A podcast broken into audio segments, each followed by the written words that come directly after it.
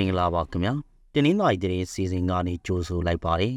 ဒီစီစဉ်ကို Dewey Watch Wine တော်သားတွေကစူးစီးတင်ဆက်ထားတာပါဒီကနေ့တင်ဆက်ပေးမယ့်သတင်းတွေကတော့နောက်လို့မှာစစ်ကောင်စီတပ်ကမိုက်ဆွဲခံရတဲ့အကြောင်း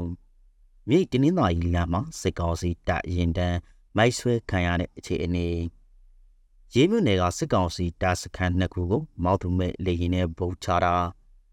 ဒိုရမြို့စစ်စီကီမာပစ်ကတ်ပေါက်ကွဲတံတွေထွက်ပေါ်ပြီးစစ်ကောင်စီတပ်ကနေရာနှစ်ခုကိုစီးနင်းခဲ့တဲ့အခြေအနေဒိုရမြို့ကစီပင်သားစေကြီးမနေ့ပြန်ပေးမဲ့အကြောင်းမြေမှာညဘက်သွားလာသူတွေကိုဟန်စီတာတွေဆက်တိုက်ရှိနေတဲ့အကြောင်းမြေကကိုရန်ကြောင်းသူတို့ပစိနဲ့အခုတ်ခံရပြီးသေဆိုးသွားတဲ့အကြောင်းစားတဲ့သတင်းတွေကိုနားဆင်ရမှာပါ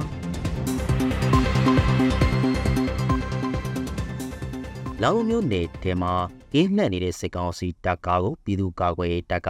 မနေ့ညကမိုက်ဆွဲတိုက်ခိုက်ခဲ့ပါတယ်။စစ်ကောင်စီတပ်ကားကိုစောင်းကြိုလမ်းမှာမိုက်ဆွဲတိုက်ခိုက်ခဲ့တာဖြစ်ပြီးမိနစ်အနည်းငယ်အကြာပြန်လာပစ်ခတ်ကြသေးတယ်လို့ဆိုပါတယ်။ဒီလိုနှစ်ဖက်ပစ်ခတ်မှုအပြီးမှာလဲစစ်ကောင်စီတပ်ကလက်နက်ကြီးလက်နက်ငယ်တွေနဲ့ထပ်ပစ်ခဲ့ပါတယ်။တိုက်ခိုက်မှုအတွင်းစစ်ကောင်စီတပ်ကားကိုမိုက်တီမှန်ပြီး ကားပေါ်ပါလာတဲ့စစ်ကောင်စီတပ်သား6ဦးသေဆုံးပြီး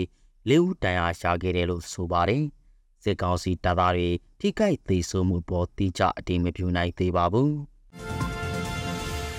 စစ်ကောင်စီတပ်သားတွေလိုက်ပါလာတဲ့ရင်တန်းဟာမြေတနင်္သာရီပြည်တော်စုလမ်းပေါ်မှာနိုဝင်ဘာလ26ရက်နေ့နေ့လယ်က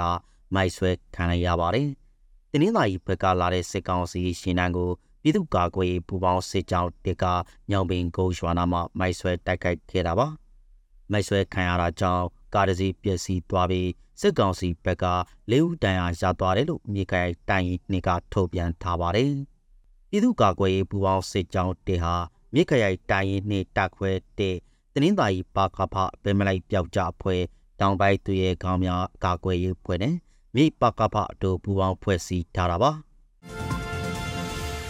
မော်ဘီနယ်ရေးမြို့ပြင်မှာရှိတဲ့စစ်ကောင်စီတပ်စခန်းနှစ်ခုကိုမွန်နဲ့တနင်္သာရီကဒေါ်လာရေးအင်အားစုတွေပူးပေါင်းပြီးမောက်တုံမဲ့လီရင်နဲ့ပုံချတိုက်ခိုက်ခဲ့ပါတယ်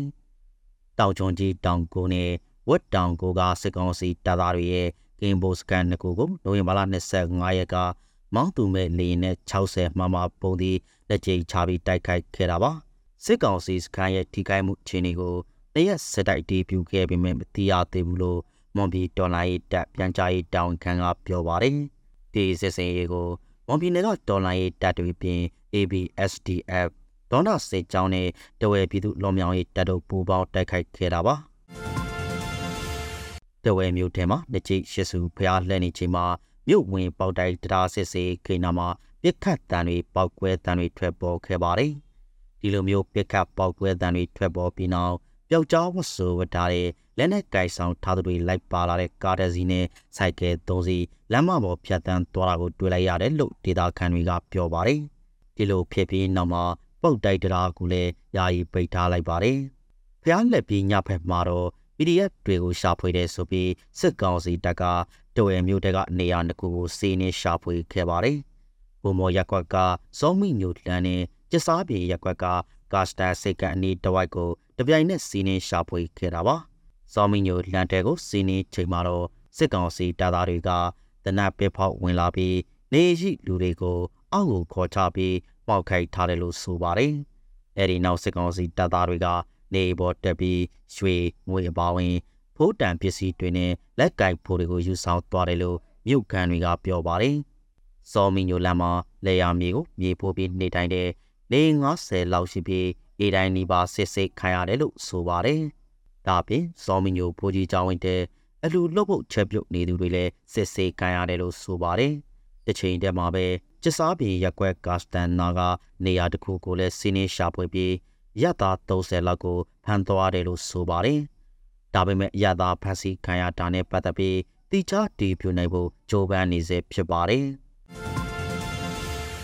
ဒိုရမျိုးကစီမင်းတာယာစေကြီးမနေ့ဖြန်တရက်ပိတ်ထားမယ်လို့ဈေးတာဝန်ရှိသူတွေကပြောဆိုနေကြပါတယ်။ဈေးကိုတာရှင်းလုပ်မယ်ဆိုပြီးဈေးတာဝန်ရှိသူတွေကဈေးသူစေသားတွေကိုနှုတ်နဲ့လိုက်ပြောနေတာလို့ဆိုပါတယ်။ရင်းကဆိုရင်တင်းနှင်းကနွေနေ့ဈေးပေးရက်မှာပဲဈေးတန့်ရှင်ရေးလိုလိရှိတဲ့အတွက်ဈေးသူဈေးသားတွေကြားဝေဖန်ပြောဆိုတာတွေလည်းရှိနေပါတယ်။ဈေးတရက်ပိတ်ပြီးမိသက်တပ်ဖွဲ့တွေနဲ့ဘီစော်တီတွေက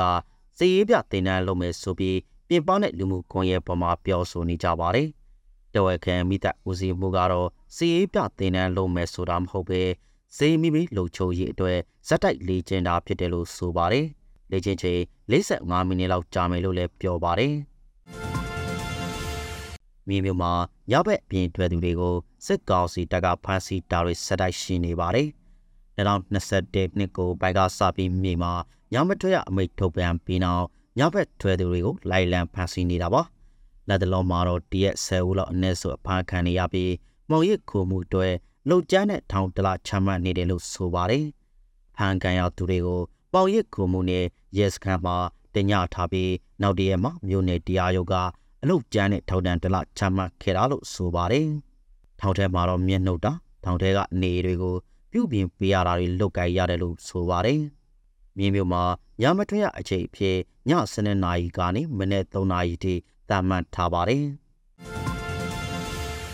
မြင်းမျိုးနယ်မှာအသက်15နှစ်ရွယ်ကိုရန်ကျောင်းသူတူပစိမ့်နဲ့အကိုခံရလို့သေဆုံးသွားပါတယ်။နိုဝင်ဘာလ26ရက်နေ့မနေ့ကတောင်ရှိကြေးရွာမှာဖြစ်ပွားခဲ့တာဖြစ်ပြီးပွဲချင်းပြီးသေဆုံးသွားတာပါ။တောင်ရှိရွာကကျောင်းဆရာမတူရဲ့နေပေါ်ထံမှာဘိုးသွင်းနေတဲ့ကိုရန်ကျောင်းသူကို အသက်30ကျော်အရွယ်ဆရာမရဲ့အမျိုးသားကပစိန်နဲ့ခိုခဲ့တာလို့ဆိုပါတယ်။ကိုရန်ကျောင်းသူဟာကျောင်းဆရာမအေးရဲ့အရှိအိမ်မှာနေထိုင်တာဖြစ်ပြီးမြေဖြစ်သူပစိန်နဲ့ခိုခံရတာကိုတွေးလို့ပြေးလာတဲ့အဖိုးလည်းပစိန်နဲ့ခေါ်ခံလိုက်ရပါတယ်။ပစိန်နဲ့ခိုတဲ့အမျိုးသားကငွေစေဝါသိုးဆွဲထားပြီးအကြောင်းမရှိပဲခိုခဲ့တာလို့ဒေတာခန်တွေကပြောပါတယ်။ ခုလိုနားဆင်ပေးကြတဲ့အတွက်ကျေးဇူးတူတင်ရှိပါတယ်။မြန်မာနိုင်ငံသားများကပ်ဘေးပေါင်းကနေအများဆုံးလွန်မြောက်နိုင်ပါစေလို့ဒွယ်ဝဝိုင်းတော်သားတွေကစုမော်ကောင်းတောင်းအပ်ပါတယ်ခင်ဗျာ။